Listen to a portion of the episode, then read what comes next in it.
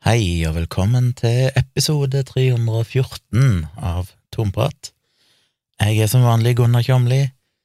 Som vanlig er det blitt veldig seint, og jeg beklager at jeg ikke har gitt ut en episode på ei stund. Det er vel um, nesten det er to uker siden sist jeg kom med en episode. Det ble plutselig et lite opphold fordi ting ble travelt.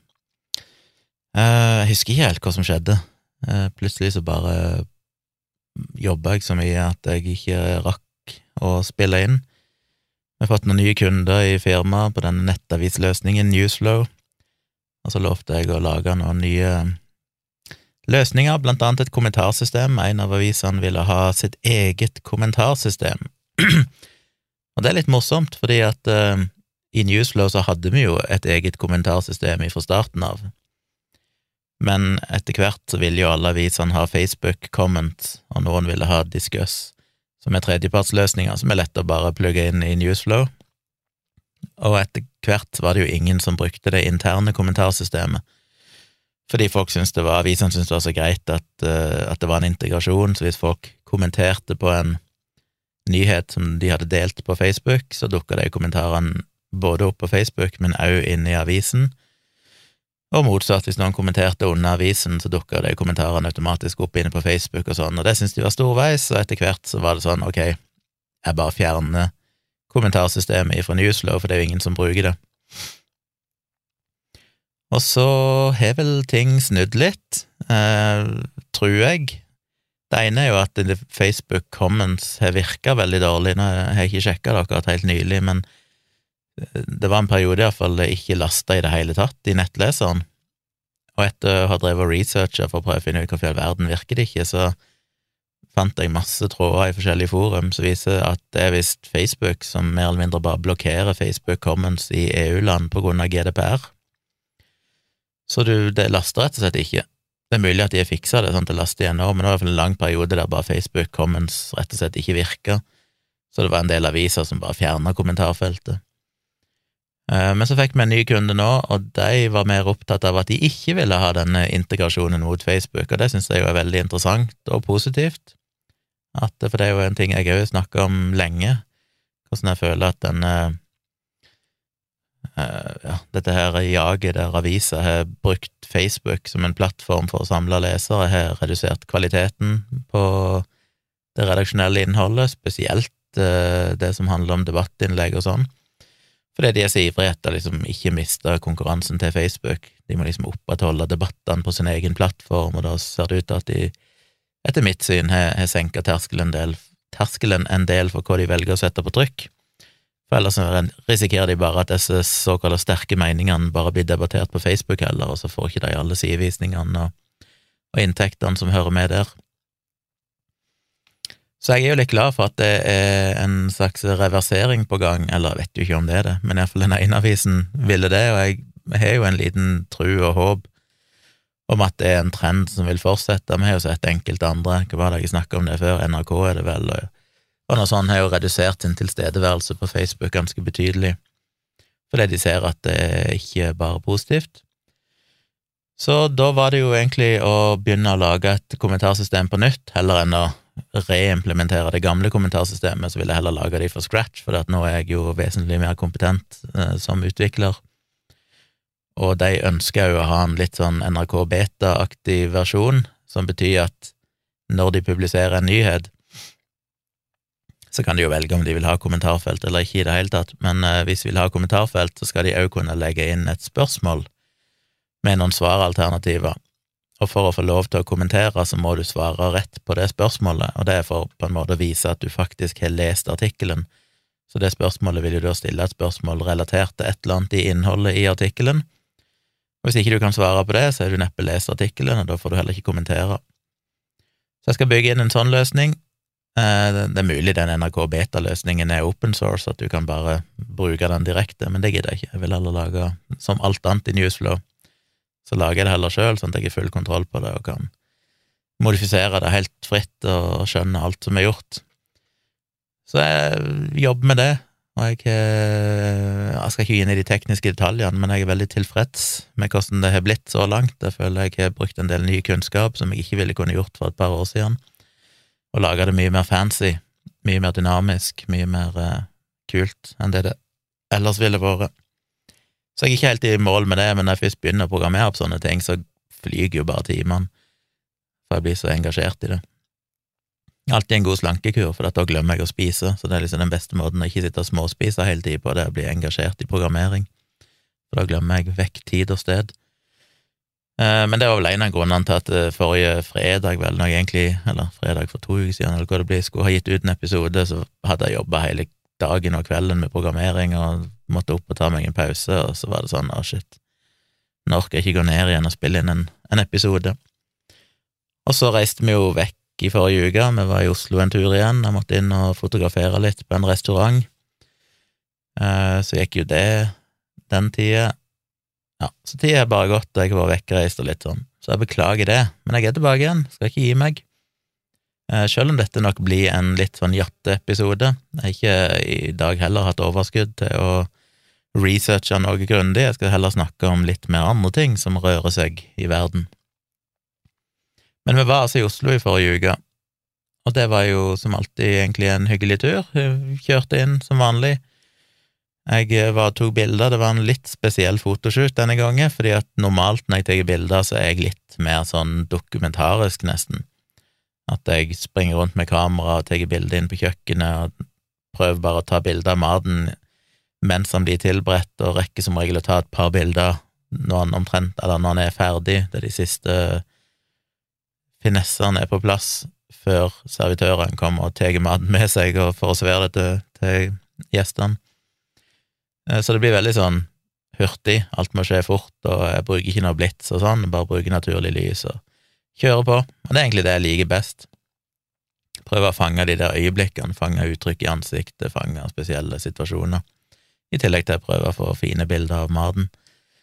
Men denne gangen vil han ha Jeg tror det er litt i forbindelse med litt ekstra markedsføring før jul, så vil han ha litt mer forseggjorte bilder. Det er jo noe jeg har tilbudt i mange ganger, men det er ikke blitt noe av det tidligere, men nå ble det det, så nå dro jeg jo med meg uh, blits og softboxer og full pakke, og så rigga de til et, lite sånn siderom i restauranten, der de da lagde ferdig en del retter, så kom de med de på løpende bånd, og jeg liksom satte de på bordet og prøvde å dandere litt, holdt jeg på å si, med noen rekvisitter. ikke rekvisitter, men eh, en kurv med brød og en skål med smør og bestikk og glass. Vi hadde hvitvinsglass med hvitvin i og rødvinsglass med rødvin i og vannglass. og Prøvde å lage litt sånn forskjellig oppsett. Plasserte softboxene opp så jeg fikk skikkelig lyssetting. Og... Så det ble gjort. Jeg var ganske nervøs, for jeg eh, Jeg syns det er lettere å ta sånne actionbilder der jeg bare springer rundt og tar bilder, for da er det større sjanse for å få noe som er interessant. Jeg kan velge vinkler, jeg kan velge liksom utsnitt som kan være litt spennende og sånn. Eh, jeg skal ta bilder litt mer sånn rett på, så er det fort gjort at det blir veldig kjedelig. Jeg er veldig usikker, jeg har ikke rukket å redigert bildene ennå, jeg er bare så vidt kjapt jeg importerte de og sånn, og så har jeg kjapt kikka gjennom noen av de. Så jeg er litt spent på hva jeg klarer å få ut av de. Jeg er litt sånn redd for at de fremstår som kjedelige, at de blir veldig sånn platt når det er bare sånn oppstilt. Jeg skulle gjerne hatt noen folk i bildene, for her er det jo liksom bare egentlig en, en, en eller to retter på et eh, bord med duk og lys og forskjellig, men det er jo ikke noen mennesker inne i bildet. Jeg liker jo at det er litt hender som stikker inn, og litt menneskelig aktivitet i bildene i tillegg til maten. Så jeg får se eh, hva jeg klarer å få til. Eh, hvis jeg er veldig misfornøyd, så får jeg heller bare si det, og si at du, jeg kan gjøre det en gang til. Eh, denne gangen vil jeg helst ha et par statister som kan spille mennesker, så jeg kan få noen hender inn i bildet, og litt mer sånn Og bare gjøre det en gang til for egen regning, eller et eller annet sånt, for jeg vil jo at eh, de skal være fornøyde, jeg vil jo ikke minst føle meg fornøyd sjøl. Men det kan være jeg blir fornøyd når jeg begynner å redigere de, og bare komme i mål med de. Så vi får se. Men det er i hvert fall en utfordring. Det er kult å prøve det òg, selvfølgelig. Eh, og få brukt litt mer av det utstyret mitt med blitzer, softboxer og sånn. Rigge opp og kjøre på. Men jeg fikk i hvert fall gjort det. Eller så skjedde det vel ikke så mye spennende i Oslo. Det var liksom det vanlige, gå rundt og dille, sitte på kafé og Ja, jeg kan ikke huske. Jeg tror ikke det skjedde noe annet av spesiell interesse. Jeg jobba en del da jeg var der, og det er jo det jeg koser meg med når jeg er i Oslo nå, det at jeg drar med meg laptopen ut på morgenen og setter meg på en kafé. Jeg har funnet ut at uh, Sentralen, som ligger rett uh, bak Stortinget, uh, på skrå bak Stortinget. Er en veldig fin plass å sitte. Den er veldig stor og romslig, og det er sånn bord som går langs hele vinduet, ganske langt, ganske bredt bord, med stoler bortover, så du kan sette deg i vinduet, og så er det stikkontakter på veggene bortover. Eh, og så har de liksom kaffe og smoothie og litt mat og ja, det som trengs for å bare sitte der, eh, og wifi. Så det er egentlig en veldig chill plass å sitte, det er liksom blitt min favorittplass. Jeg var innom Mesh. Mesh er jo en sånn eh, greie der du kan få deg en plass å jobbe. Jeg har testa det ut for noen år siden, i den tida meg og en kompis av meg, en barndomsvenn, som òg flytta til Oslo omtrent samtidig som meg, og driver sitt eget IT-firma. Vi delte jo kontor i mange år. Når jeg flytta til Oslo i 2010, så delte jeg først kontor med han i tre år, som lå i Karl Johan, Karl Johans gate 5. Kan nesten ikke bli mer sentralt enn det. Så der hadde vi et kontor i tre år som vi delte, og så, når den leieavtalen gikk ut, så flytta han ut og fant ut han ville ha litt hjemmekontor, for han bodde ut på Nesodden. Og så var det litt fram og tilbake, så hadde jeg et kontor borte i Brugata i et års tid, men eh, så gadd jeg ikke ha det lenger, så fikk jeg òg hjemmekontor.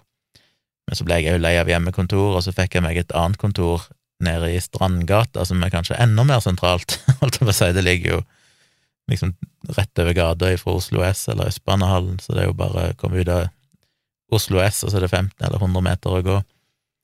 Eh, så det er jo så sentralt som det bare kan få blitt. Og det var jo mitt liv i ganske mange år, der jeg gikk ifra Tøyen, trasla ned gjennom eh, Grønland, gjennom eh, bussterminalen, eller hva heter det, Oslo Galleri, er det ikke det det heter?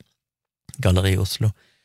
Og gjennom Oslo S, og ut av Østbanehallen, og så rett over gata, og så inn på kontoret mitt og satt der hele dagen, og samme turen hjem. Så igjen et veldig sentralt kontor, som jeg da sa opp da pandemien brøt ut. Jeg skjønte at nå kommer det nok til å bli hjemmekontor en stund, da vil jeg ikke betale det som det var ganske dyrt, det kontoret.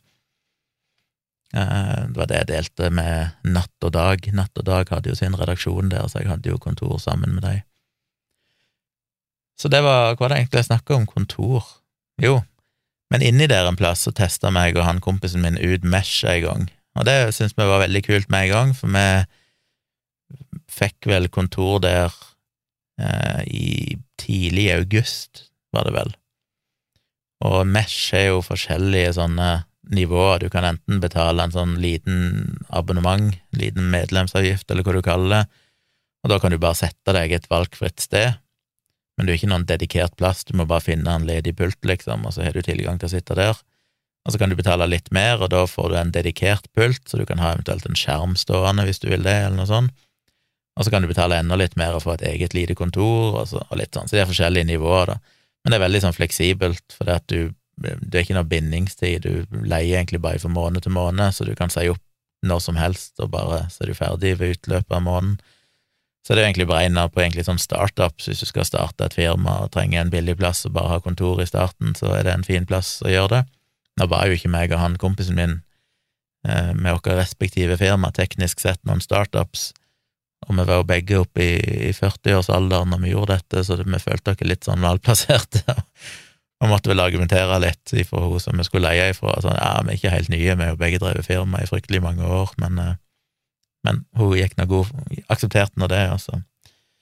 Fikk vi plass. Og i starten så syntes jeg bare det var helt fantastisk. Kom der og satte meg ned, og det var stille og rolig.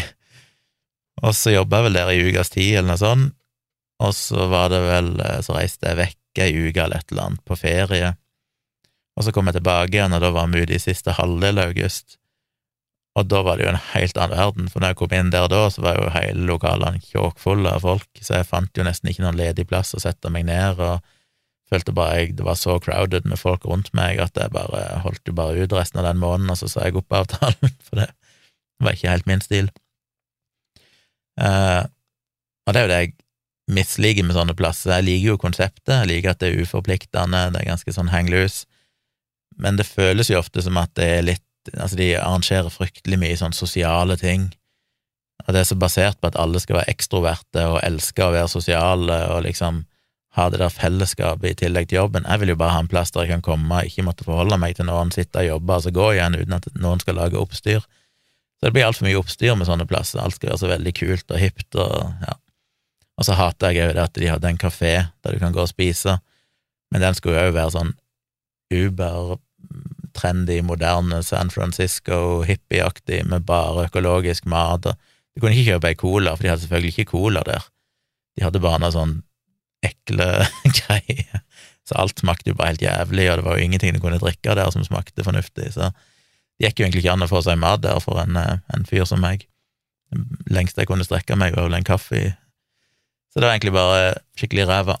Men, eh, men, ja, så jeg var innom Mesh denne gangen òg, og tenkte kanskje jeg kan bare sette meg der, for det er vel gratis hvis du bare setter deg ned i kafédelen, på en måte. Og Da har de wifi, og du kan kjøpe deg kaffe og litt sånn, men det igjen så var det altfor mye folk der inne, det var jo umulig å finne en ledig plass å sitte, der du kan sitte litt vekke fra folk, så jeg snudde ganske fort og gikk ut igjen, og så gikk jeg bare bort til sentralen og fant ut at det var egentlig den beste plassen å sitte.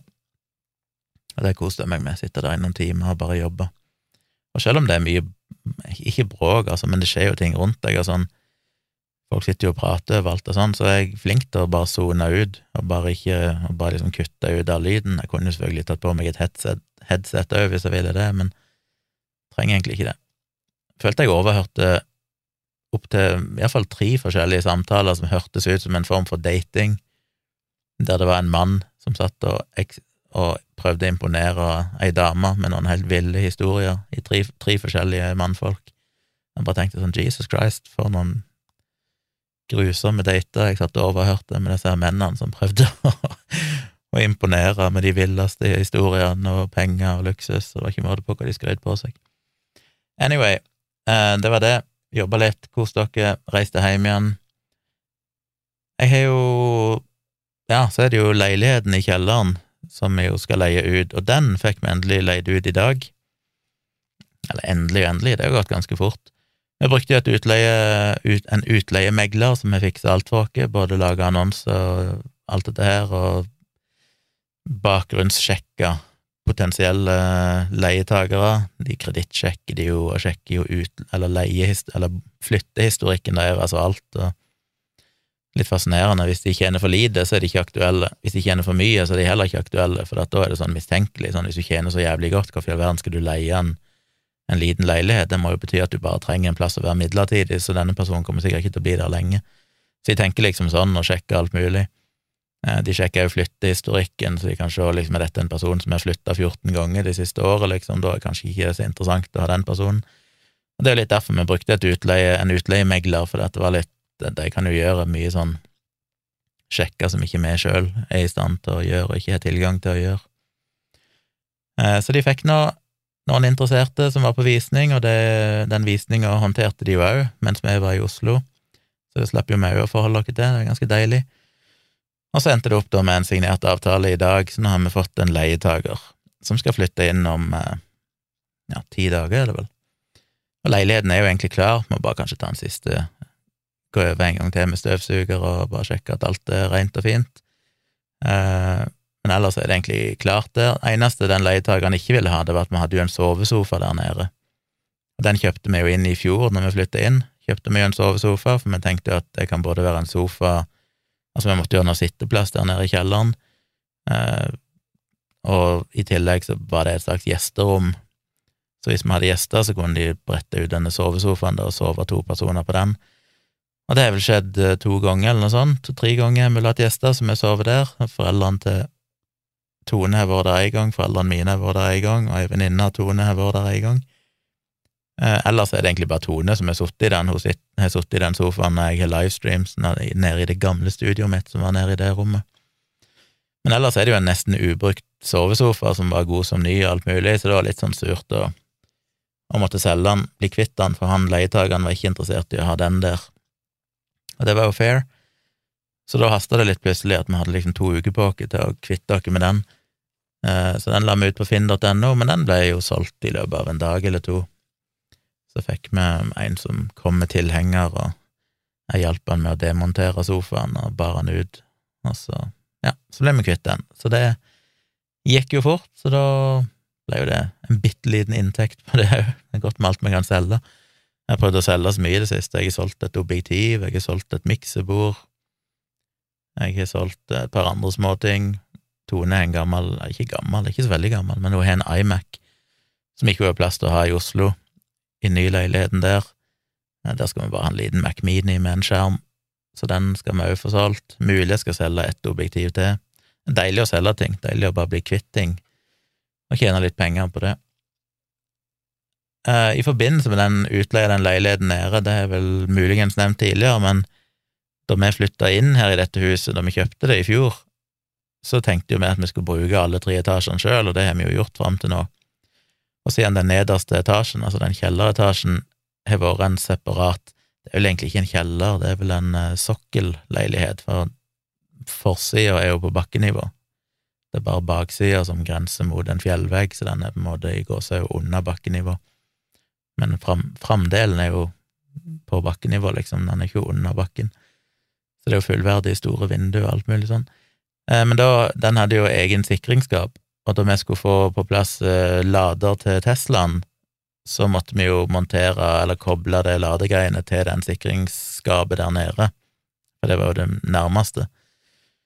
Men nå som det skal ha en leietaker der, så funker jo ikke det så bra. Kan du ikke belaste han for eh, strømmen når jeg lader bilen? Så jeg måtte jo, vi har prøvd å få tak på en elektriker som kan komme i første omgang på befaring, bare for å sjekke liksom hvordan kan dette løses, og tanken er jo da at de sannsynligvis må bare forlenge den kabelen, og så koble den ifra sikringsskapet nede, forlenge den på utsida av veggen og opp i andre etasje og inn et eller annet sted, og så koble den til sikringsskapet som er okker på en måte i andre etasje.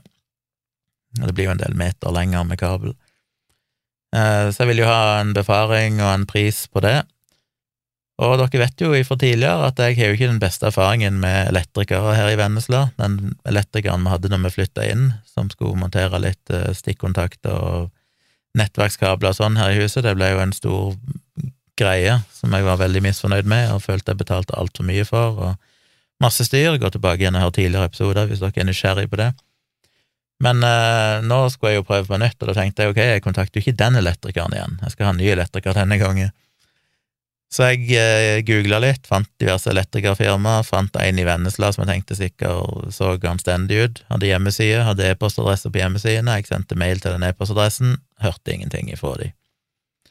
Så etter ei uke eller to uker eller noe sånt, så tenkte jeg ok, da finner jeg en annen elektriker, fant en annen elektriker som virka som en ganske stor, eh, seriøs aktør med flere avdelinger og sånn, sendte mail til dem de var bedre. Da fikk jeg svar eh, dagen etterpå eller noe sånt fra en av de ansatte der, som sa ja, han ville gjerne komme på befaring. Ble vi enige om en dato, og han kom, riktignok eh, forsinka vel, men han kom iallfall den dagen. Gjorde en liten befaring, hadde en liten hyggelig prat, og han sa at ja, han skulle eh, i løpet av morgendagen så skulle han sende meg et pristilbud. Og så regna de med at de kunne gjøre det selve jobben uka etterpå, så det var ganske fort gjort. Så jeg var fornøyd, venta, fikk ikke noen pris ifra han, venta noen dager til, fortsatt ingen pris. Sendte en purring og bare sa liksom hei, takk for sist, uh, lurte bare på om han uh, hadde klar et pristilbud til oss, eller noe sånt. Hørte fortsatt ingenting, venta ei uke til, sendte en ny purring og sa at du, vi etterlyser dette pristilbudet etter du var her, det hadde vært flott om du kunne få det, for det begynner å haste litt. Eh, gått ei god uke til, fortsatt ikke hørt noe. Så det er jo ganske interessant at han faktisk møtte opp på befaring, men etter det har han bare ikke svart på mail, bare totalt ignorert dere. Veldig spesielt. Så nå måtte jeg sende mail i dag til en tredje eh, elektriker, eh, eller sendte vel i går, og så fikk jeg svar i dag at de videre sendte den henvendelsen til en eller annen lokal dude som skulle følge opp dette. Fortsatt ikke hørt noe ifra han. Så vi får se.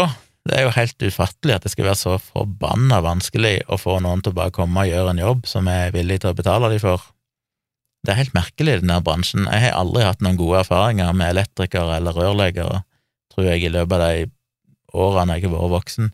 Òg da vi bygde hus på Tonstad tidlig på 2000-tallet, så var det jo Altså, det var bare tull. Nå var riktignok elektrikeren der var litt sånn spesialavtale, for det var en slektning av meg som ga oss rabatt og sånn. Han gjorde vel for så vidt en god jobb, og det var litt underforstått at han måtte gjøre det litt sånn innimellom når han hadde tid. Det var ikke noe han kunne prioritere, så det var for så vidt greit. Men det var noen rørleggere der òg som var bare helt crazy.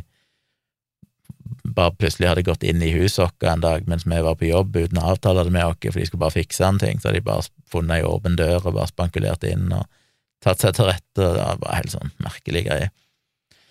Så det og, og de kom jo aldri til avtalt tid. Uansett hvilke dager vi avtalte, så møtte de bare aldri opp og sa ingenting om at ikke de kom og sånn. Det er en helt merkelig bransje, den håndverkerbransjen.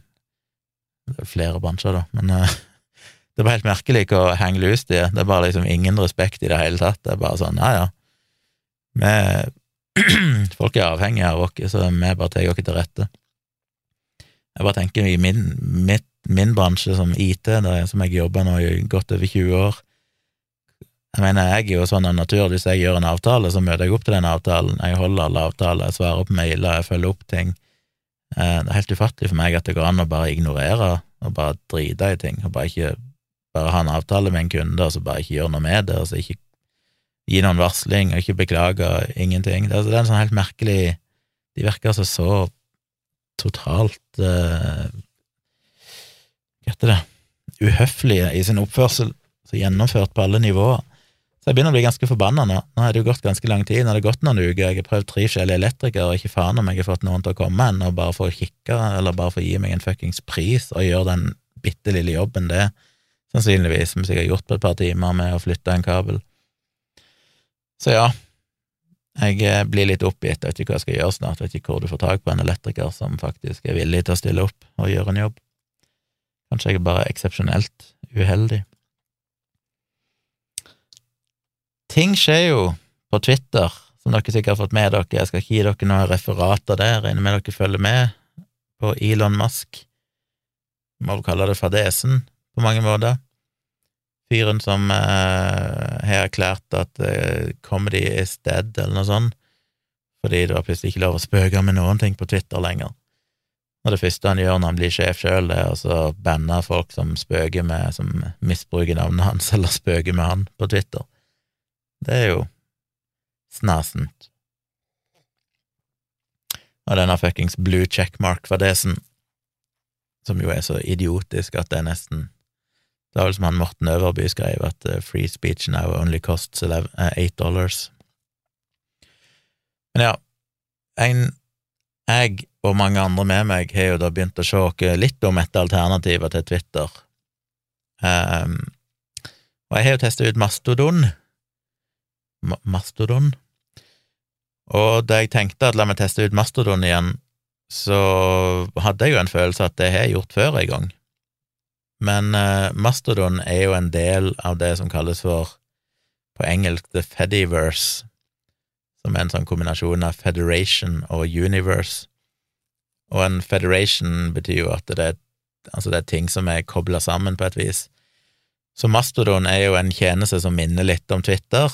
De fleste vil tenke Twitter med en gang de ser det, bare at det heter ikke tweets, det heter toots, eller på norsk en tut. Eh, men det er heller ikke en sentralisert tjeneste. Twitter er jo bare Det finnes jo bare én Twitter, og alle er på samme Twitteren. Mens Mastodon er helt separate instanser, eller servere, men det kalles instanser, der jeg, hvis jeg vil, kan sette opp min egen Mastodon-instans, der folk kan registrere seg som brukere. Jeg kan ha for så vidt mine helt egne regler, styre showet akkurat som jeg vil, kan i teorien ta betalt òg, hvis jeg skulle ønske det, si at nei, du må betale for å få tilgang her. Eh, men så snakker jo alle disse systemene, alle disse instansene med hverandre, så selv om jeg setter opp min egen instans, så kan jeg velge om det skal være en instans som er helt isolert fra omverdenen, eller om den skal utveksle toots med andre Mastodon-instanser, eller andre tjenester som ikke engang er Mastodon, men som kan være andre typer tjenester. Det finnes jo mange sånne tjenester i dette Fediverset. Noen eksempler er jo at det er for eksempel et alternativ til Facebook som heter Friendica, et alternativ til Instagram som heter Pixelfed, et alternativ til YouTube som heter PeerTube. Det finnes en alternativ til Spotify som heter Funkwhale, et alternativ til Meetup som heter Mobilizon, en Reddit-alternativ som heter Lemmy, en eller annen podkastingtjeneste som heter Castopod, en alternativ til Goodread som heter Bookworm, Worm, med Y, og mange andre. Det er egen Wikipedia-side. Hvis dere googler Fediverse og går inn på Wikipedia, så finner du en sånn tabell som lister opp eh, mange, mange tjenester. Og litt av clouet med disse tjenestene er at mange av de snakker det samme språket, de baserer seg på en sånn åpen, platt, åpen protokoll som gjør at de òg kan utveksle meldinger mellom seg. Så selv om du er på Mastodon, dette er ikke jeg testa, da, vet ikke helt hvordan det funker, men du kan teknisk sett utveksle meldinger med for eksempel en sånn Instagram-bildetjeneste replacement, sånn som Pixelfed, så meldingene kan gå på tvers. Det kan du ikke i i Twitter-verden. I Twitter-verden er jo Twitter Twitter, og Facebook er Facebook, og Instagram Instagram. Det er ikke sånn at du kan tvitre noe, og så dukker det opp på Instagram. Men det kan du i teorien med disse tjenestene, for de baserer seg på en felles protokoll som gjør at de kan utveksle meldinger mellom hverandre. Så det er jo et interessant konsept. Det er jo open source, som sagt, altså åpen kildekode, som betyr at det er ingen som eier koden. Eh, du kan i teorien gå inn og modifisere den òg, regner jeg med, hvis du vil det, eller forbedre den, eller endre den. Og du kan som sagt sette opp din egen server med din egen eh, Mastodon-instans og kalle den for et eller annet. Men for de fleste så vil du jo kunne, på det enkleste nivået, så kan du bare gå inn og, og registrere en bruker, og så er det omtrent som Twitter. Den store forskjellen er jo at på Twitter så er jo som sagt Twitter Twitter, så hvis jeg heter Civics på Twitter, så er det jo bare jeg som er Civics på Twitter. På Mastodon derimot så er det jo forskjellige instanser så når du skal registrere en bruker, så må du velge først en instans, og det er jo det som er den store terskelen for mange, inklusiv meg sjøl. For da begynner du med en gang å stille spørsmålet med men hvorfor en instans skal jeg velge? Det finnes visstnok over 3000. Eh, hvis du går inn på mastodon.social, som vel er liksom hoveddomenet til Mastodon, så lister de opp noen titalls av de mest kjente, og der finner du blant annet eh, snabelen.no, som er den jeg har registrert meg på. Så hvis du går inn på snabelen.no, så kan du registrere en bruker, men da blir brukernavnet ditt at brukernavn at snabelen.no. Så inne på snabelen.no, mitt fulle brukernavn er jo da at civics at snabelen.no. Eh, selv om hvis du er inne på snabelen.no, så heter jeg bare Civics, akkurat som jeg er på Twitter. Men hvis du skal legge meg til fra en annen instans, så må du oppgi hele det lange navnet for å si at det, du vil snakke med både, altså med Civics, spesifikt på serveren snabelen.no, som er meg. Men det er ingenting som hindrer noen andre å gå inn på en annen server, for eksempel på mastodon.social eller mastodon.cloud eller en av de tusenvis av andre instansene som finnes, og registrerer seg som Civics. Så de vil kunne òg hete Civics, men de heter jo da Civics at, altså det servernavnet. Så hvis du vil eh, sikre deg Civix, for eksempel, eller et brukernavn, så må du gå inn på alle de forskjellige instansene og registrere deg på alle, sånn at du liksom får Ingen andre kan ta det navnet. Det er selvfølgelig lite poeng i det. Du kan òg lenke de sammen, for jeg oppdaga jo, som sagt, jeg visste at jeg hadde registrert meg på Mastodon tidligere, men jeg huska ikke hvor, og det er jo litt av problemet. Jeg vet ikke hvorfor jeg ikke hadde verken noen mailer Jeg søkte gjennom mailen min etter ordet Mastodon, finner ingen mailer som inneholder det ordet hadde av en eller annen grunn ikke lagra passord sånn i, i password-manageren min, så det var liksom helt sånn, jeg visste bare ikke, jeg hadde ingen informasjon om hvor i all verden jeg hadde registrert meg, og jeg tenkte ikke så langt om å søke etter det, bare. Så jeg bare tenkte ja, ja, fuck it, jeg registrerer meg bare på snabelen.no, det virker jo som en norsk server, så tenkte jeg det er sikkert lurt å ta en norsk server hvis jeg først skal registrere meg et sted. Så jeg gjorde det, og det virker jo som å være den kanskje mest vanlige tror jeg. Altså, jeg vet ikke om jeg skal si det, det finnes andre norske servere òg, de begynner å poppe opp nye nå ganske fort. Eh, men som sagt, disse kan utveksles med hverandre, så selv om du registrerer deg på snabelen.no, så kan du fortsatt se meldinger, hvis du vil, ifra andre servere eller andre instanser. Så det er ikke sånn at du er låst bare til meldinger der, men du har litt forskjellige feeds. Du har en lokal feed som bare viser meldinger som er på den samme instansen som du er, men du kan også vise da feeds eh, som henter meldinger fra andre.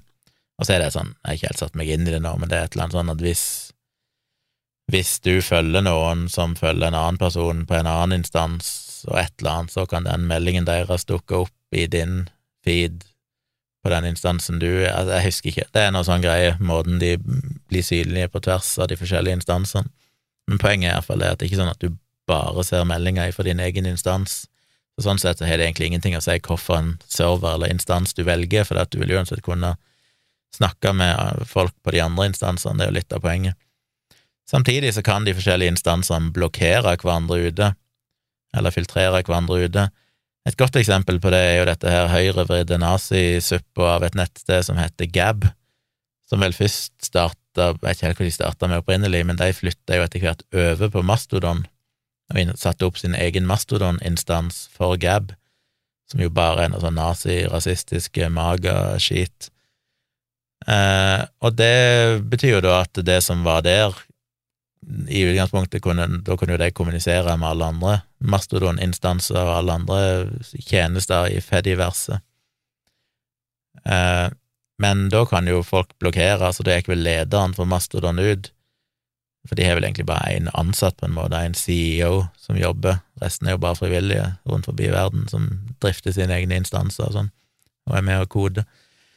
Det gikk vel han ut og sendte ut mail eller et eller annet og sa at han oppfordrer alle som drifter forskjellige Mastodon-instanser om å blokkere Gab, så ikke meldinger fra Gab kunne komme inn i deres nettverk.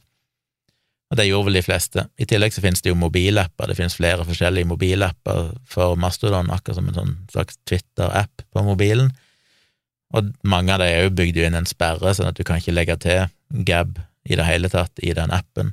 Og det var vel litt òg, tror jeg, for at de ikke skulle bli blokkert ut av uh, AppStore og sånn, for det Apple kasta jo ut Gab for AppStore, og en av grunnene tror jeg til at Gab flytta over til Mastodon, var vel at de håpte at det ville da På den måten ville kunne omgå denne blokkeringen i AppStore og sånn, for da kunne de vært tilgjengelig i en helt vanlig Mastodon-app, som jo ikke er spesifikk for Gab, men som bare er for alle Mastodon-brukere.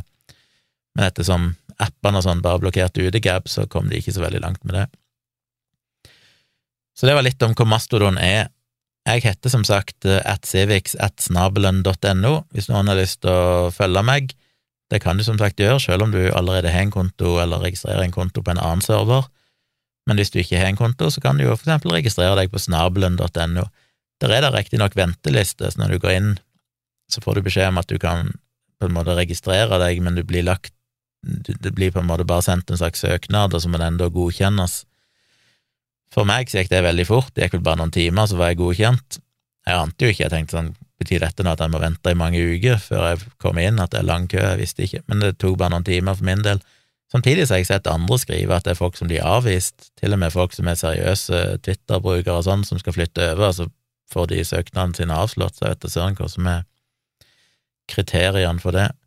Men det skader ikke å prøve, hvis ikke du får det godkjent på snabelen.no, så kan du bare velge en eller annen instans og prøve der. Noen av de er jo òg åpne, så det er ikke noen venteliste på de, det er bare å registrere seg, så er du inne.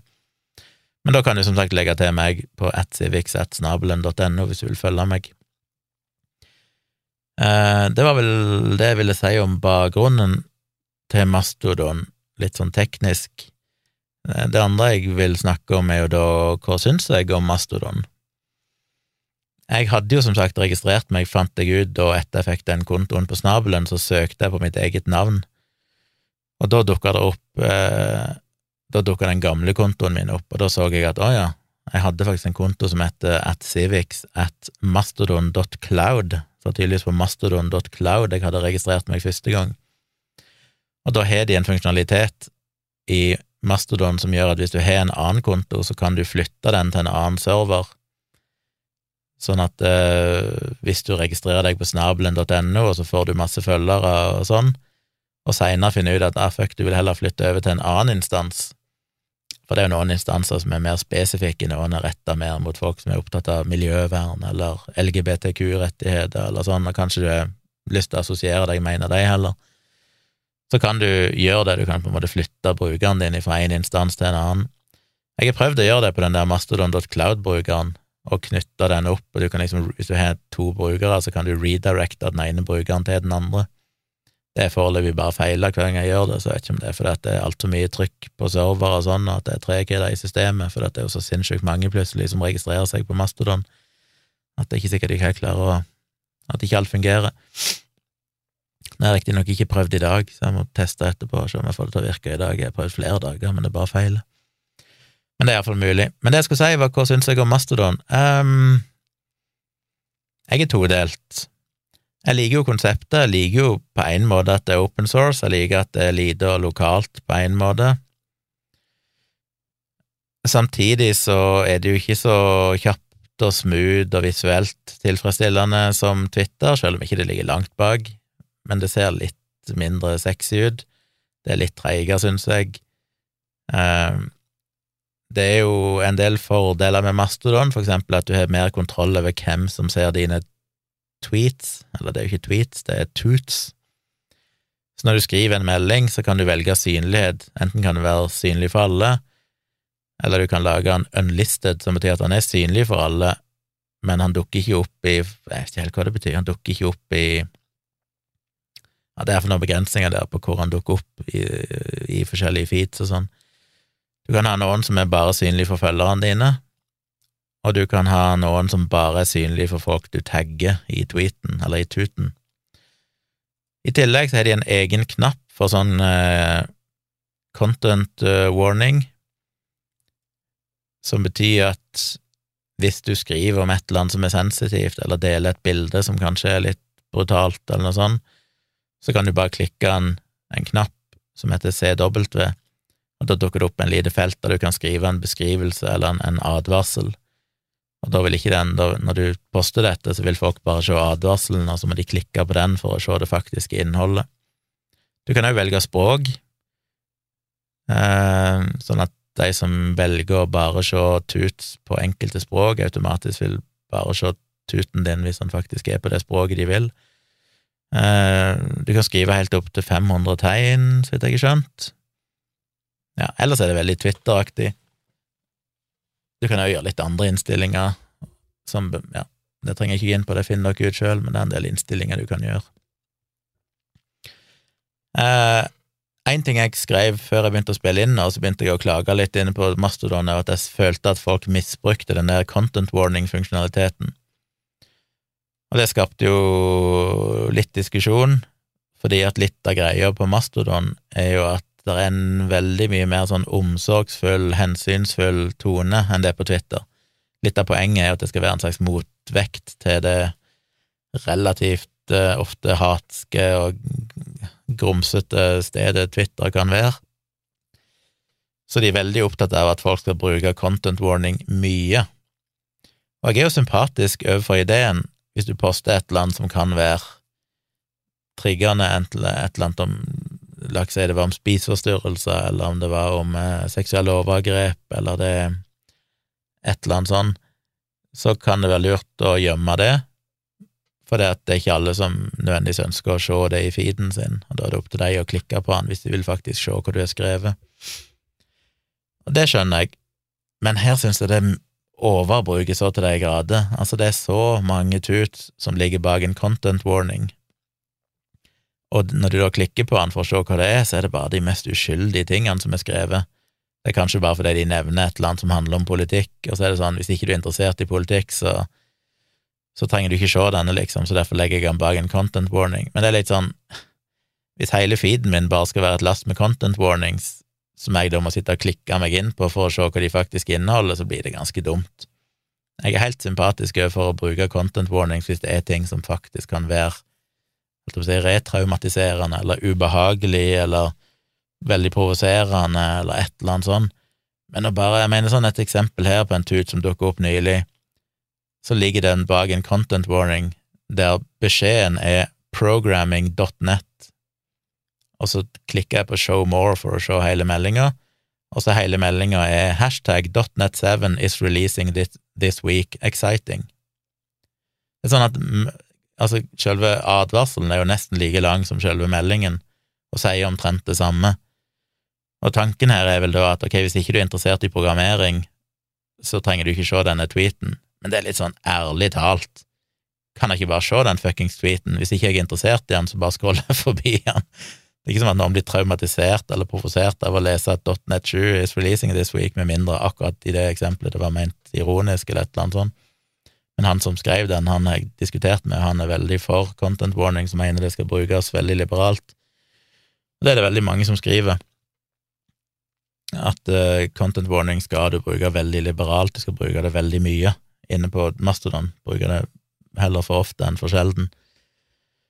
Og jeg er ikke helt fan av det, fordi for meg, som jeg skrev sjøl da jeg kommenterte det, så skrev jeg at det fremstår jo mer som clickbating. Når du legger et eller annet bak en, en content warning, så virker det litt mer sånn hei, se på meg, ja, er du nysgjerrig på hva jeg har å si, klikk meg, og så må du liksom bare klikke for å se hva det er.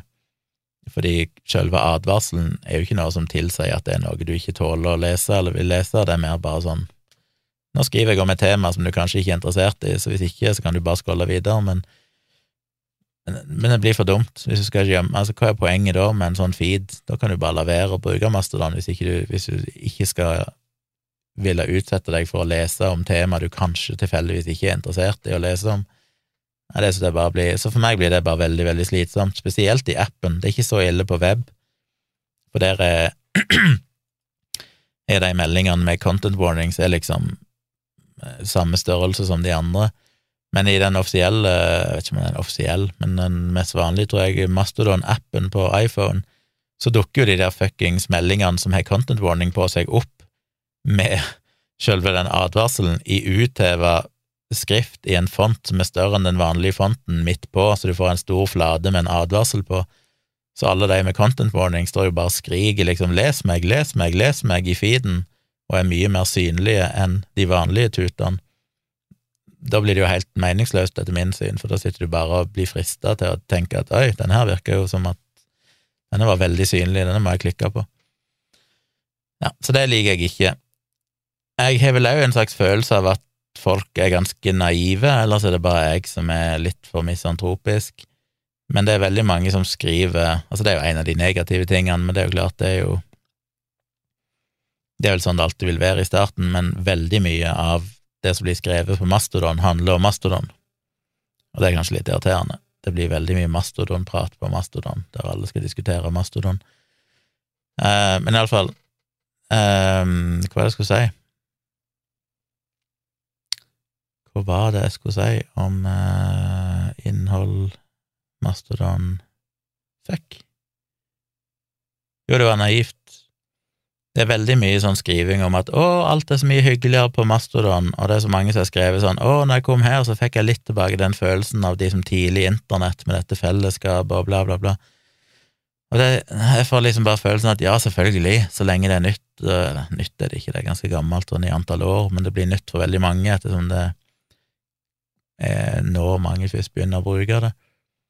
Eh, selvfølgelig vil det kanskje oppleves koselig så lenge det er lite og relativt nytt men det er jo det som òg blir problemet her, det er dette her med at hvis vi faktisk ønsker at det skal være et reelt alternativ til Twitter, så må det jo per definisjon bli mange, mange ganger større. Og nå er det ikke sikkert alle ønsker at det skal være et alternativ til Twitter. De fleste vil kanskje det skal eksistere parallelt med Twitter, sånn at de kan ha sitt eget, uh, sitt egen lille verden. Men det er jo det som er paradokset, for enten så vil det være relativt lite og sikkert være ganske trivelig, å eksistere som en parallell verden til Twitter, som ikke så veldig mange bruker, men der du da heller ikke når så veldig mye ut. Hvis du skriver et eller annet der, så er det ikke så veldig mange som kommer til å se det.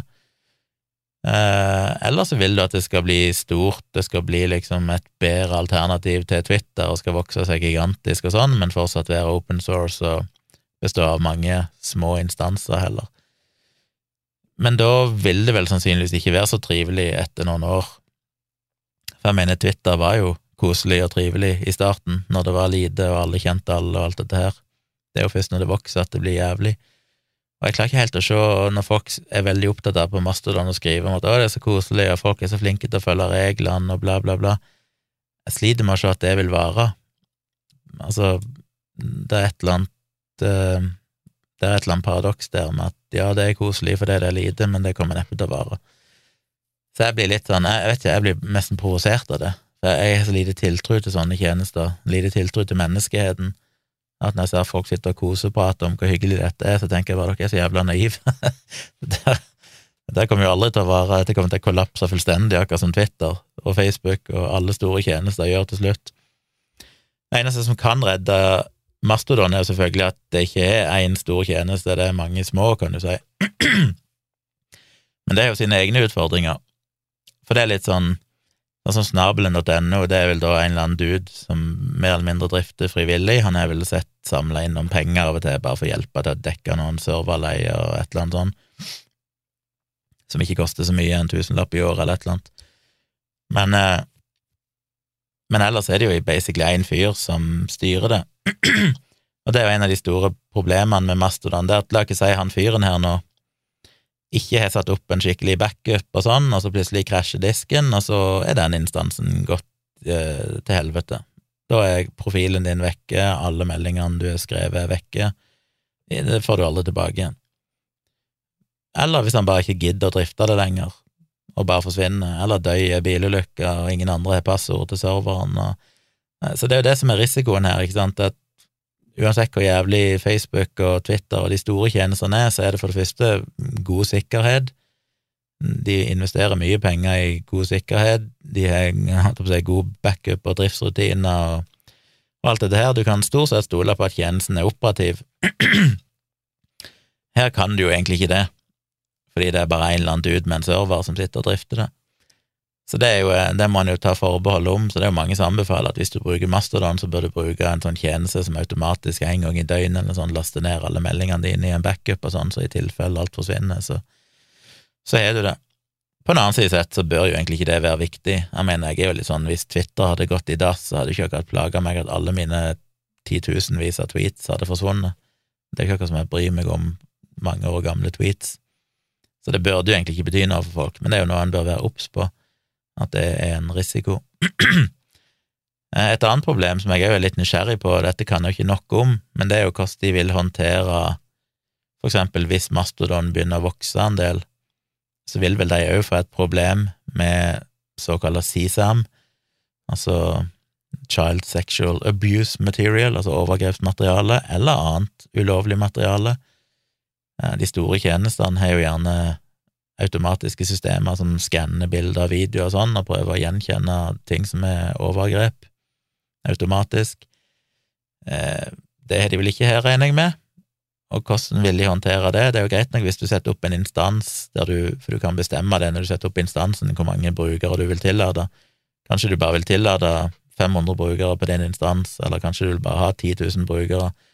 Men det er jo noen som kanskje er store, som har hundretusenvis av brukere hvis de har serverressurser og sånn til det, har de da samtidig kapasiteten til å håndtere den type ting? Vil det bli gjort på en skikkelig måte, eller vil du bare ende opp med at du plutselig får masse dritt opp i feeden din?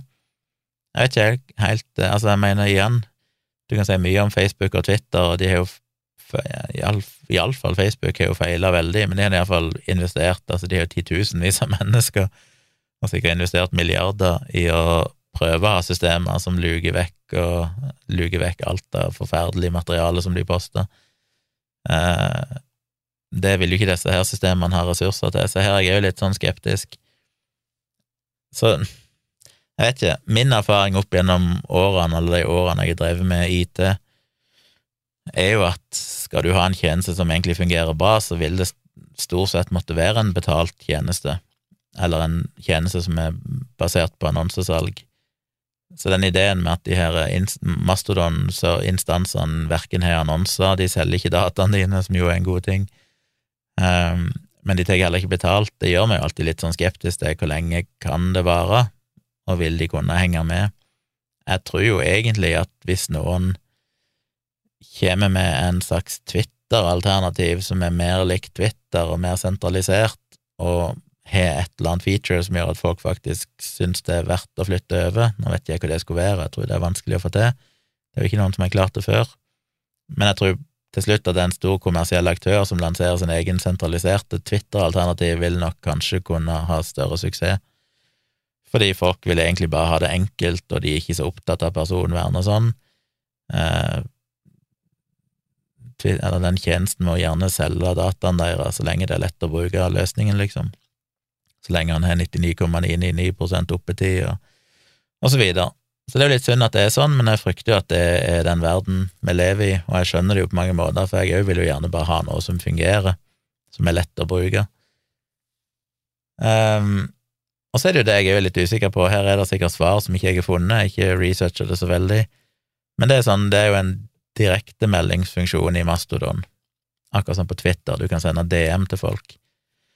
Eh, hvordan er de med tanke på kryptering og sikkerhet? Hvis jeg sender en DM til noen, eh, er den kryptert, eller er det sånn at han som drifter denne instansen, sitter og egentlig har tilgang til databasen og kan lese alle meldingene der? Fordi det kan de nok på Twitter òg, jeg tror ikke de meldingene, direktemeldinger på Twitter er vel heller ikke kryptert, regner jeg med, men da er du en av mange titalls, hundretalls millioner brukere sånn at jeg tviler på at noen som jobber i Twitter, har noe spesielt behov for å gå inn spesifikt og lese mine meldinger, selv om de kan det. Men hvis du registrerer deg på snabelen.no, og du er et navn som noen kanskje vet hvem er, og det bare er noen få tusen brukere, så er det jo litt mer sannsynlig kanskje at hvis du har en fyr som drifter det, eller noen som hjelper, som har tilgang, og som er litt nysgjerrige, så kan det være de har lyst til å bare sjekke hva det egentlig han der Tjomli har skrevet i meldingene sine. Det synes jeg er jo litt skummelt med disse små tjenestene der en eller annen dude sitter og hoster det på en server som kan være på rommet hans for alt det vi vet, og han sitter med direkte tilgang til alt, og ikke at det er noe å si hvor han fysisk er plassert, altså, men uh, det trenger ikke være noe god sikkerhet på det i det hele tatt. Så jeg er litt skeptisk til det òg. Det er det jeg aldri har likt med open source, alt dette her, der folk sier at det er mye bedre å ha dette på en eller annen open source og, og hoste det sjøl, ha din egen server. Men det er sånn, jeg stoler jo mye mer på Facebook og Twitter enn jeg stoler på meg sjøl når det gjelder å ivareta sikkerhet og, og driftsstabilitet og sånn. Um, jeg kan si mye om de store aktørene, men de har iallfall ressursene til å holde ting i gang. Så selv om, de, om Mastodon sånn lover at ikke de selger noe, noe, informasjon om deg til annonsører, som er en god ting, altså de ivaretar personvernet ditt på den måten, så vet jeg ikke om du er noe mer sikre med tanke på personvern, med tanke på hvilke data du legger inn i systemet, hvis en eller annen eh, nysgjerrig aktør har lyst til å se telefonnummeret ditt, eller hva du måtte legge inn, jeg skal ikke kalle inn av personlig informasjon, men iallfall hvis de vil lese dine direktemeldinger, eller se noen tweets du har favoritter eller bookmarker og sånn, så kan vel de sikkert gå inn og sjekke det, så på den ene sida bedre personvern fordi de ikke selger dataene dine, ja, på den andre side dårligere personvern fordi at det er kanskje en eller annen nysgjerrig dude som kan bare sitte og hente ut alt uten å Uten at det er noen sperre for det, som de vel i utgangspunktet, iallfall i prinsippet har i Twitter og Facebook og sånn, at de ansatte kan ikke bare gå inn på hvilken som helst konto og snoke. Eh, så, ja. så det er liksom pluss og minus med det. Og jeg vet ikke hvor imponert jeg er. Foreløpig så virker jo Så er det jo det evige problemet at selv om det er mye bra på Mastodon, så er det jo fortsatt for smått. Det skjer jo ikke så mye der. Det, det blir litt sånn kjedelig. Er det verdt å poste noe der når det egentlig ikke når ut til noen særlige folk? Hvis det er det du Det kommer jo an på hva du vil. Hvis du bare vil ha det som et sånn koselig lite forum der du kan sitte og godsnakke med andre, bare en sånn sosialt, så er det nok mye bedre enn Twitter, for du slipper masse troll og grums og piss. Hvis du derimot vil bruke det til en plattform der du ønsker å nå ut til mange folk med et budskap, så funker det jo relativt dårlig. Iallfall foreløpig. Det kan jo selvfølgelig endre seg hvis det tar av. Så det var jo en lang, lang rant om Mastodon. Det var kanskje ikke meninga, men det ble noe sånn. Hvis dere har noen spørsmål eller innspill, så er det jo bare å maile meg på tompratpodkast at gmail.com, eller sende meg en melding på Mastodon. Skriv helst på mail, for ellers så forsvinner det bare i, i skogen av alt av tjenester jeg har. Hvis det kommer på mail, som tross alt Uansett hvor store jeg vender på det, så er jo den beste tjenesten på internett er jo e-post. Det er jo ingenting som slår e-post, det er jo den eneste tingen som alltid bare er der, eh, og er stabilt og greit. Til slutt så må jeg vel si litt om eh, firmaet mitt, jeg har jo jobba litt med det òg i det siste, Qualia AS. Det er jo nå omsider registrert. Alt er på plass. Jeg har fått eh, Omsider har fått bankkort, fått oppretta bankkontoer og fått bankkort, et visakort, som gjør at jeg nå endelig har kunnet tatt meg bryet med å flytte over alle lisenser og alle betalinger sånn over på det nye firmaet. Og det har jo gleda meg så sinnssykt til, for dette har jo bare gått på mine private kontoer tidligere når jeg har hatt enkeltpersonforetak, og det gjør jo at det er så rodete økonomi, det er så vanskelig å holde styr på hvor mye penger bruker jeg egentlig på alle disse lisensene, for det er jo bare blanda inn i alt annet jeg har kostnader i livet mitt. Så det å få skilt alt det ut, og ha det bare på firmakonto, og virkelig kunne se hvor mye For jeg har jo vanskelig oversikt over hvor mye det koster, altså hvor mye jeg har av utgifter sammenlignet med inntekter. Men det blir lettere når jeg har det over i et eget, et eget bedriftskonto, og alt blir liksom helt separat ifra privat, min privatøkonomi. Men så var det jo det å finne alle disse lisensene og alle tjenestene, og det, det var jo et styr, så jeg måtte jo gå gjennom først. Oppretta jo en egen PayPal-konto til Qualia, en egen bedrifts-PayPal-konto, sånn at jeg kan få utbetalinger fra Patron og sånn til riktig eh, PayPal-konto. Jeg oppretta en egen Stripe-konto som blir brukt noen plasser, for eksempel på buymeacoffee.com og sånn. Hvis folk kjøper meg virtuelle kaffier, så går pengene der inn på Stripe, og så blir det utbetalt en gang i måneden til bankkontoen min. Eh, så det måtte jeg flytte over.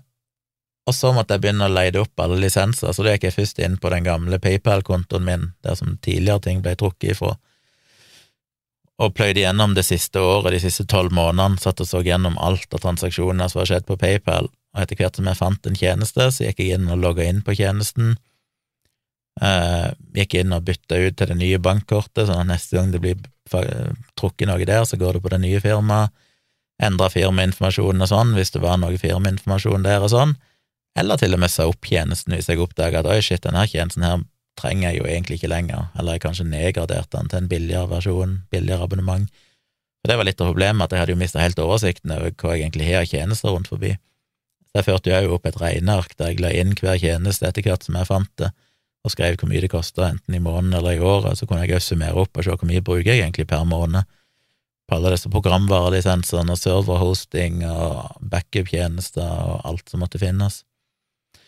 Så det har jeg gått gjennom og gjort. Så først gikk jeg gjennom PayPal, og så måtte jeg gå gjennom eh, bankkontoene mine, og så måtte jeg gå gjennom eh, noen bankkort, et Mastercard og et American Express, og først når jeg hadde gått gjennom alle de, så hadde jeg vel funnet alle, håper jeg, for det er alle plassene det blir trukket penger av meg, så da, da regner jeg med jeg har funnet de, og det var ganske mange tjenester. Jeg fikk sagt opp noen få, så jeg sparte noen kroner, fikk vel nedgradert et par av de.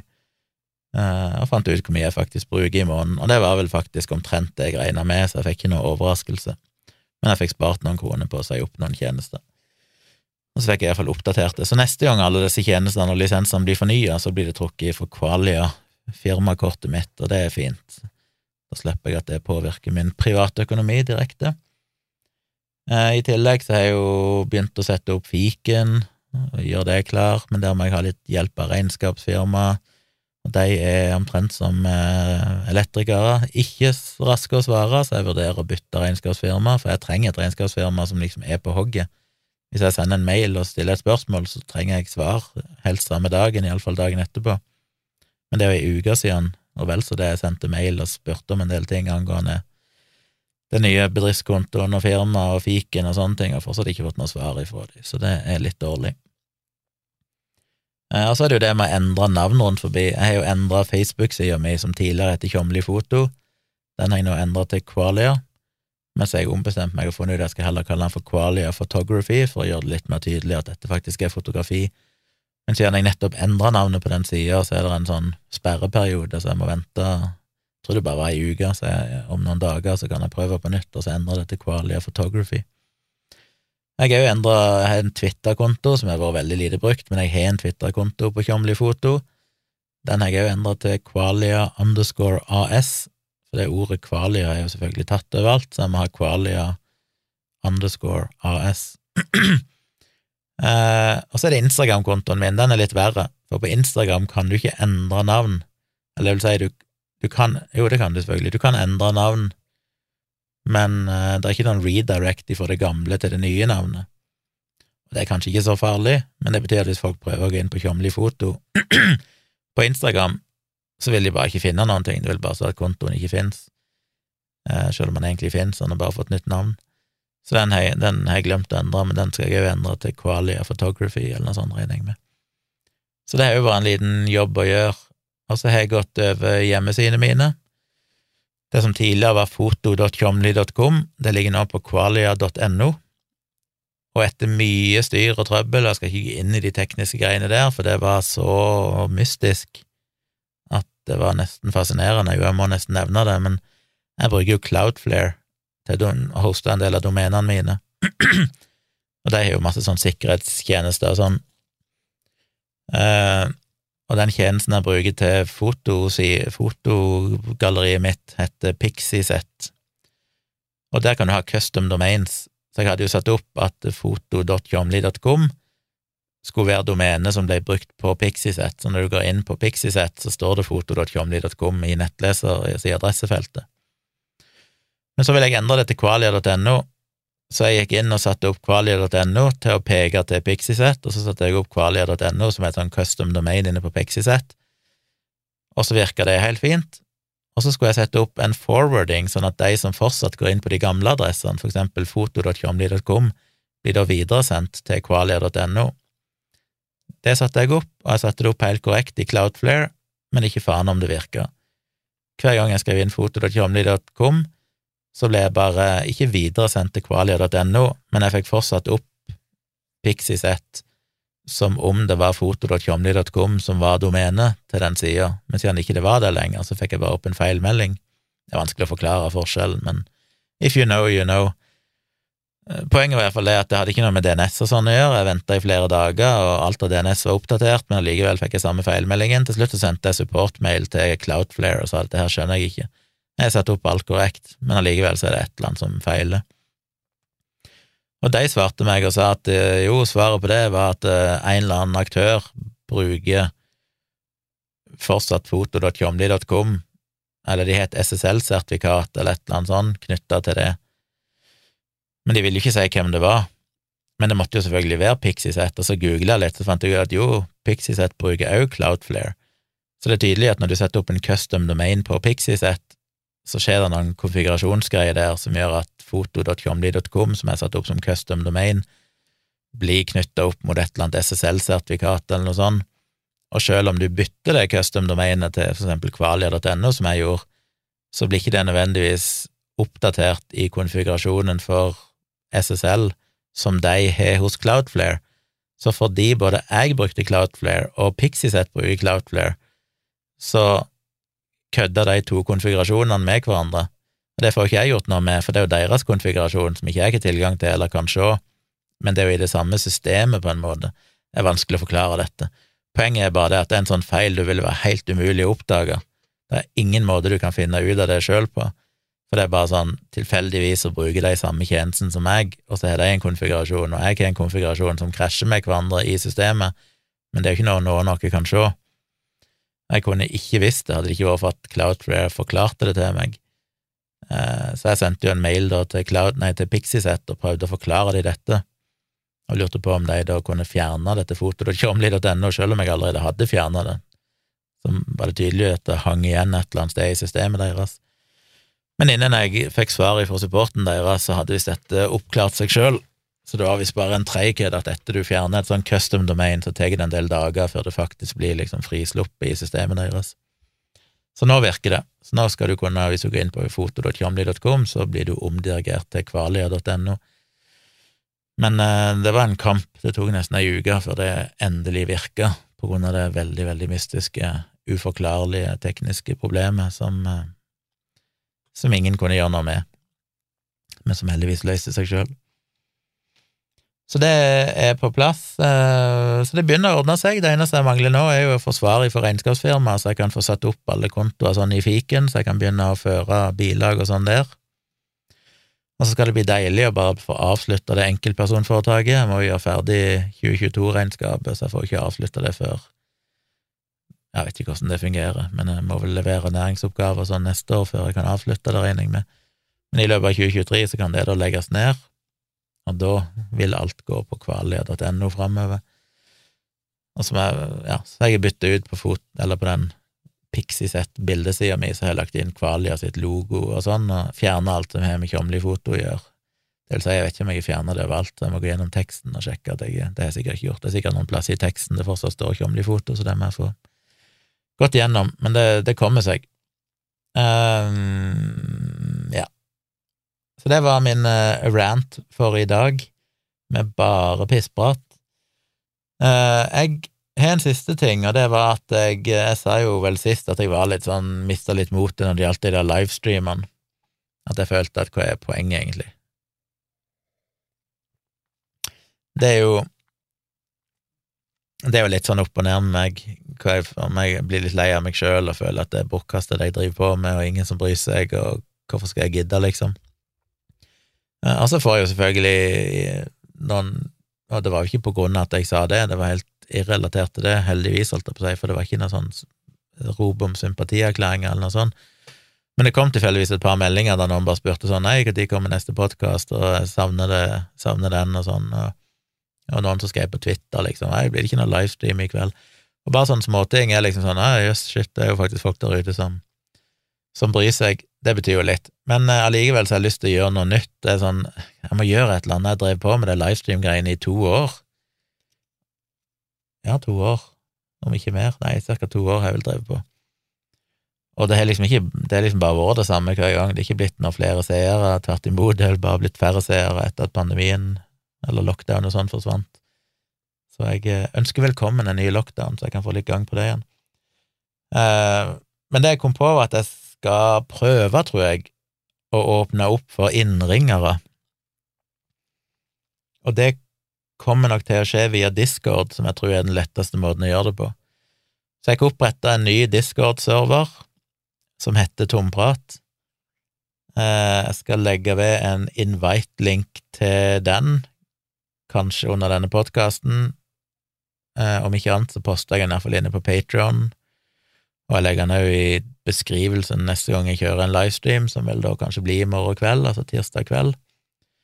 Så hvis du ønsker å rett og slett, holdt opp å si, ringe inn og snakke med meg live, så kan du gjøre det via Discord sin voice-funksjonalitet, voice-chat-funksjonalitet. Det blir jo nytt for meg, jeg vet ikke helt hvordan det fungerer. Jeg fikk med meg en, eh, en følger her den ene kvelden og bare testa det bitte grann, og bare sjekka at vi kunne snakke med hverandre på Discord og sånn, og så prøvde jeg å finne ut hvordan jeg kan rute lyden fra Discord og inn på livestreamen og sånn, og jeg har vel et oppsett som kan fungere der. Så hvis noen skulle ha lyst til det, og ha muligheten til å ringe inn og stille spørsmål eller diskutere et eller annet med meg, eller dele sine tanker om et eller annet. Så har jeg tenkt å prøve å åpne for det, bare for å ja, gjøre det kanskje mer interessant. For nå føles det litt sånn shit, jeg sitter jo i tre timer og bare prater til folk, litt sånn enveiskommunikasjon, og så svarer folk via chat, men det hadde kanskje vært kult at noen av dere kunne delta. Da blir det jo i utgangspunktet bare med lyd, det, så du trenger ikke noe webcam eller noe sånt. Må bare ha en uh, decent mikrofon, så det er sånn noenlunde god, grei lyd, og et headset, så ikke du får noe ekko, og registrere deg på Discord-serveren min. Og når jeg da starter livestream, så går det vel an å gå inn i den voicechat-kanalen, og så kan jeg gi ordet til forskjellige folk som skal få lov å snakke. Akkurat de tingene jeg må finne ut av, hvordan jeg kan liksom styre at det er bare én som snakker om gangen, og sånne ting. Det finner jeg nok ut av. Men det er liksom min tanke så følg med tirsdag kveld. Uh, vet ikke helt når. Kanskje klokka ni, kanskje seinere. Det dukker vel opp en livestream i løpet av dagen. Og installer Discord hvis ikke du allerede har gjort det, og så kan du klikke på den invite-linken min, og da delta på serveren min der. Og så kan vi jo teste ut det, hvis noen av dere har lyst til å delta, prate med meg mens jeg livestreamer. Se om det kan fungere, kanskje det ikke fungerer, kanskje det blir med det ene forsøket. Vi får se, men jeg har iallfall lyst til å prøve noe nytt, noe som er litt mer interaktivt enn at bare jeg sitter og prater til skjermen, eller til kamera. Så følg med, jeg skal legge ut litt mer informasjon rundt forbi når jeg har funnet ut hvordan dette her blir, men eh, det blir nok en livestream i kveld, og da mest sannsynlig med mulighet for innringing via Discord. Da skal jeg ikke prate mer, jeg skal heller komme meg i seng, i morgen skal jeg programmere masse igjen. Uh, ja. Så jeg vil bare egentlig si uh, minne på, mailadressen er tompratpodkast.gmail.com. Hyggelig om dere vil rate meg uh, rundt forbi, gi meg noen hyggelige stjerner eller kommentarer. Tipse andre om podkasten min. sjekke ut Virkelig grusomt, som jo blir større og større for flere og flere lyttere, som kommer ut hver mandag, uh, som jeg tror mange vil like. Og så takker jeg for at dere hørte på, og så er jeg tilbake igjen da Forhåpentligvis på fredag, hvis jeg fortsatt orker det. Det satser jeg på. Jeg tror jeg er tilbake igjen nå. Satser på at jeg er tilbake igjen på fredag, og egentlig allerede tirsdag kveld, på livestream på YouTube, med Tomprat live, på kanalen Tvilsomt mekjommelig. Det var alt. Ok, ha det bra.